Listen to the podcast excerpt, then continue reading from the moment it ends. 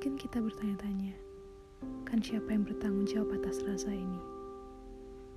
Mungkin kita juga bertanya-tanya, kan kapan datangnya keajaiban hidup? Mereka berkata, waktulah yang akan menyembuhkan luka. Namun nyatanya sampai detik ini masih banyak yang gagal disembuhkan oleh waktu. Ada juga yang berkata, memaafkan akan menyembuhkan luka. Namun nyatanya, memaafkan bukan berarti melupakan. Perihal patah hati kali ini, percayalah padaku. Bagaikan tangkai bunga yang kau petik, apa yang patah akan tumbuh kembali.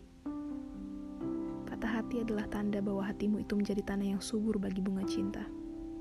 Alangkah indahnya ia tumbuh, hingga ada seseorang yang memetiknya. Memang kau sedih kala itu, namun kau tidak mengerti bahwa kau masih punya tanah yang subur untuk bibit lainnya. Perihal patah hati kali ini, percayalah padaku. Kalau sesuatu milikmu hilang, berarti hal itu belum menjadi bahagian dari rezekimu.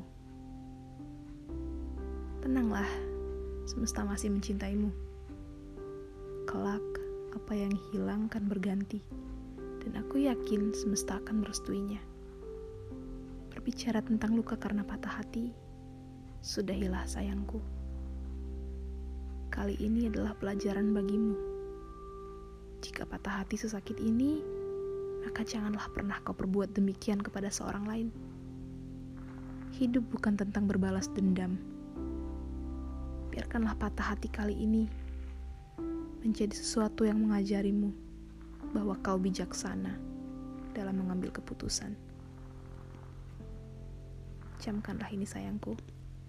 Aku percaya kau pasti bisa.